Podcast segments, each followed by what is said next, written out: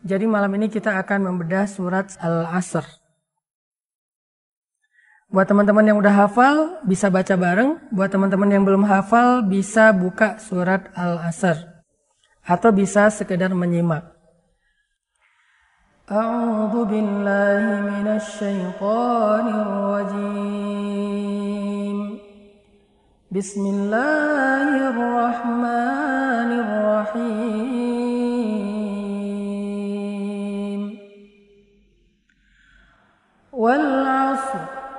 إن الإنسان لفي خسر إلا الذين آمنوا وعملوا الصالحات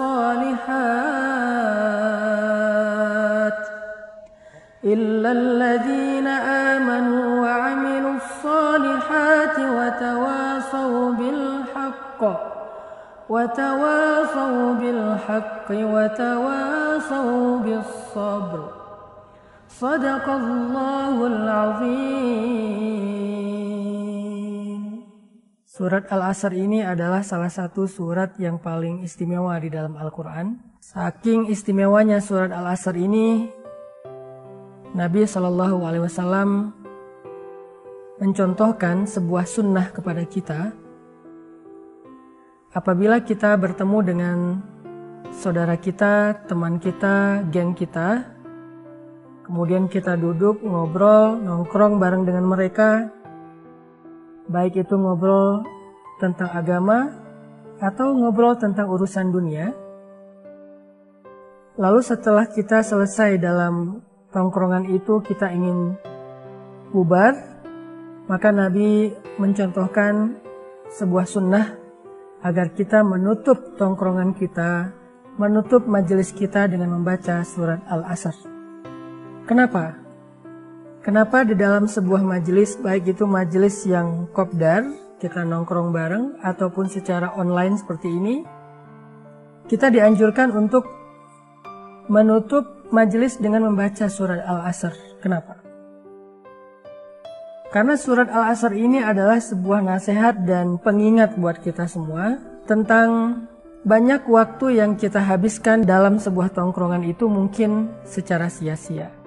Mungkin tanpa kita sadari tadi dalam sebuah obrolan kita sempat membicarakan aib orang lain, kita sempat berdusta secara nggak sengaja, kita sempat bersendagurau secara berlebihan, kita sempat lalai dalam obrolan-obrolan yang kadang-kadang gak bermanfaat, maka membaca surat Al-Asr menjadi pengingat buat kita untuk meralat semua yang tadi kita ucapkan dengan istighfar.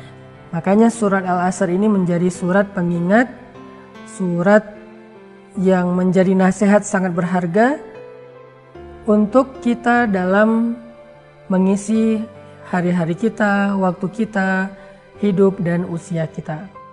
Allah Subhanahu wa taala bersumpah dan tidaklah Allah bersumpah kecuali tentang sesuatu yang besar. Ketika Allah bersumpah di dalam Al-Qur'an berarti Allah lagi mau ngomongin sesuatu yang penting. Jadi Allah tuh kalau lagi pengen ngomongin sesuatu yang penting diawali dengan sumpah. Kalau kita mungkin menegaskan satu obrolan yang penting dengan sumpah. Sumpah, gue serius ngomong kayak gini. Sumpah ini beneran terjadi. Sumpah apa atau apa pun lah bahasa kita untuk menunjukkan bahwa yang kita obrolin itu sesuatu yang benar dan penting. Allah bersumpah dengan waktu wal asr bahwa sesungguhnya innal insan manusia lafi khusr benar-benar berada di dalam kerugian. Banyak orang yang kata Allah di dalam ayat ini seolah-olah menghabiskan hidupnya dengan hal-hal yang sia-sia. Menghabiskan pemikirannya untuk hal-hal yang sia-sia. Menghabiskan tenaganya untuk hal yang sia-sia. Menghabiskan perasaannya terkuras untuk hal yang sia-sia. Jadi secara umum dasarnya kehidupan kita itu banyak sia-sianya. Coba renungkan hidup kita beberapa tahun ke belakang.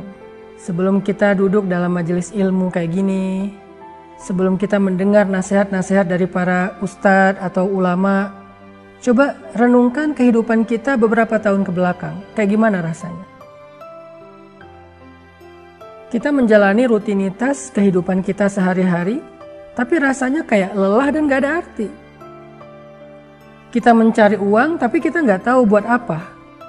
Kita berusaha mencari cinta, ingin mencintai dan dicintai, tetapi setelah kita mendapatkannya, kita ngerasa lelah sendiri. Kita mencari kesenangan ke sana kemari, tetapi semuanya seperti semu. Bahkan membuat kita semakin larut dalam dosa-dosa yang kita pikir dosa itu bisa membahagiakan kita yang kita pikir dosa itu bisa menyenangkan hati kita, ternyata semakin kita nambah dosa, semakin kita foya-foya, semakin kita merasa jenuh dan lelah. Kayak nggak ada rasa yang indah di hati kita kecuali hanya sekedar kesenangan sesaat karena hawa nafsu. Itulah kehidupan kita secara nyata sebelum kita mengenal Allah sebelum kita mengenal Islam. Apalagi jika seseorang udahlah dia nggak punya dunia, secara harta dia orang miskin, secara keluarga dia sebatang kara, secara fisik dia juga bukan orang yang sempurna-sempurna amat, jauh pula dia dari Allah, maka menjadi lengkaplah perasaan jenuh, lelah, dan gak berarti dalam kehidupan dia. Itulah yang dimaksud dengan firman Allah, Innal insan lafi khusr. Manusia itu rugi banget. Hanya menjadi manusia saja rugi. Kenapa?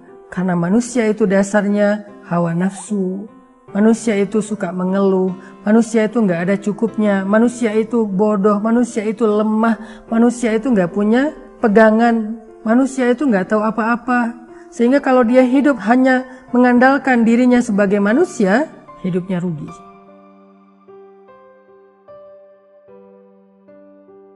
Kalau hidupnya hanya sekedar menjawab pertanyaan, wajar kan sebagai manusia saya pengen ini, saya pengen itu, saya pengen ini, saya pengen itu. Hidupnya rugi.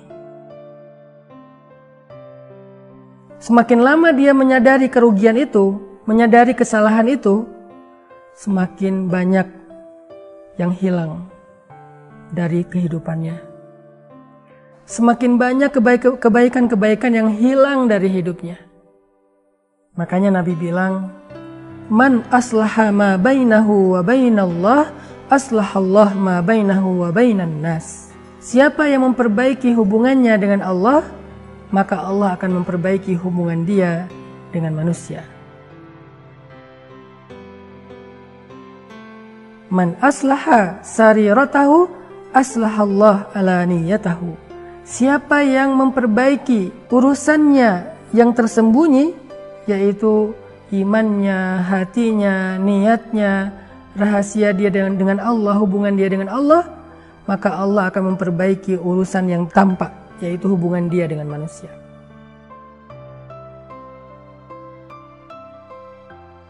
Allah akan memperbaiki yang tampak yaitu urusan dunianya, urusan hartanya, pekerjaannya, keluarganya. Itulah maksud Allah teman-teman di dalam surat Al-Asr. Kehidupan kita gak sempurna kalau kita jauh dari Allah. Kehidupan kita akan menemukan kebosanan, kejenuhan, kesia-siaan, kerugian, sampai akhirnya kita bingung buat apa saya hidup, nggak ada artinya kehidupan saya. Ketika kita jauh dari Allah Subhanahu wa Ta'ala, walaupun kita punya dunia dan seisinya, begitulah hidup. Kita dekat dengan makhluk, dekat dengan urusan-urusan dunia, tetapi kita jauh dari pemilik kehidupan. Itulah kenapa kita kehilangan arah, kita ngerasa hidup gak ada arti, sampai bahkan memilih lebih baik mati aja. Innal insana lafi khusr. Manusia berada dalam kerugian. Sehingga satu-satunya cara untuk memperbaiki kehidupan kita yang mulai kehilangan arah itu, kembalilah kepada Allah. datang ke rumah Allah, sujud di hadapan Allah, renungkan kebesaran-kebesaran Allah. Zikir, sebut nama-nama Allah. Minta maaf sama Allah untuk memperbaiki hubungan dengan Allah. Baru nanti Allah secara bertahap akan mengembalikan kualitas hidup kita. Akan memperbaiki urusan-urusan hidup kita yang selama ini berantakan karena kita jauh dari Allah. Jadi kalau kita ngerasa kurang terus, ngeluh aja. Ngeluh tentang keluarga, ngeluh tentang kerjaan, ngeluh tentang keadaan, ngeluh tentang penghasilan, rezeki, fasilitas hidup, ngeluh terus. Pasti ada masalah antara kita dengan Allah. Pasti. Innal insana lafi khusr. Semua yang kita lihat, yang kita rasakan, yang kita alamin dalam kehidupan itu hanyalah hal-hal yang sifatnya keluh kesah khusrin rugi. Seolah-olah kita nggak pernah dapat kebaikan dalam hidup. Kenapa? Karena kita jauh dari Allah. Sehingga jalan satu-satunya memperbaiki itu adalah perbaiki dulu hubungan dengan Allah. Kembali kepada Allah. Beriman kepada Allah mulai percaya, bangun keyakinan kepada Allah, perbaiki perasaan kita tentang Allah, pikiran kita tentang Allah. Nanti Allah yang akan memperbaiki pikiran dan perasaan kita tentang hidup. Gimana cara supaya kita bisa terus memperbaiki hubungan kita dengan Allah? Kata Allah, wa amilus solihat. Paksakan diri kita untuk berbuat amal solih Paksakan diri kita untuk baca Al-Quran. Paksakan diri kita untuk berzikir. Paksakan diri kita untuk berdoa. Paksakan diri kita untuk sholat. Paksakan diri kita untuk sedekah, bantu orang lain. Paksakan diri kita. Bukankah orang dulu memaksakan diri berbuat dosa? Dengan bersusah payah untuk melakukan dosa. Emangnya membuat dosa itu nggak susah payah? Emangnya berbuat dosa itu nggak capek? sama capeknya. Orang berbuat dosa capek, orang bermaksiat susah payah. Maka orang yang beramal soleh juga sama. Tetapi maksiat, capeknya membuat kita lebih capek. Lelahnya membuat kita semakin letih. Sedangkan amal soleh, capeknya seperti orang olahraga. Capek tapi ada endorfin yang membuat dia happy. Bukankah olahraga itu capek? Ya. Tetapi keringat yang keluar membuat dia lebih segar. Peredaran darahnya lancar. Akhirnya dia lebih semangat. Begitulah beramal solih. Capek, tetapi capeknya membuat dia happy. Membuat hatinya lebih semangat. Membuat kehidupannya lebih berkualitas ada endorfin spiritual dalam amal solih. Sama capeknya. Sehingga kalau kita pengen kehidupan kita berkualitas, paksakan diri kita untuk beramal solih, walaupun capek. Yang ketiga, watawa sobil haq, watawa sobis sabr. Kalau kita pengen hidup kita berkualitas, kalau kita pengen hidup kita itu semuanya baik, terarah, happy, hubungan kita dengan keluarga semakin baik, semakin bahagia. Yang ketiga adalah watawasabil haq, watawasobis sabr. Kita butuh teman. Kita butuh lingkungan.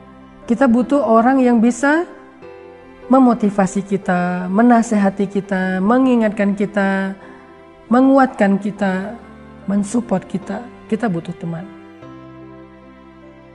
Kita butuh seseorang yang bisa menjaga mood spiritual kita. Mood hati kita. Yang ketika kita lagi lemah, dia menguatkan kita. Ketika kita galau, dia memantapkan hati kita. Ketika kita bingung, dia memberi kita saran. Ketika kita dalam keadaan ragu, dia meyakinkan kita. Kita butuh itu. Sebaik-baik teman adalah orang yang solih, yang bisa mengajak kita kepada kebaikan dan kesolehan.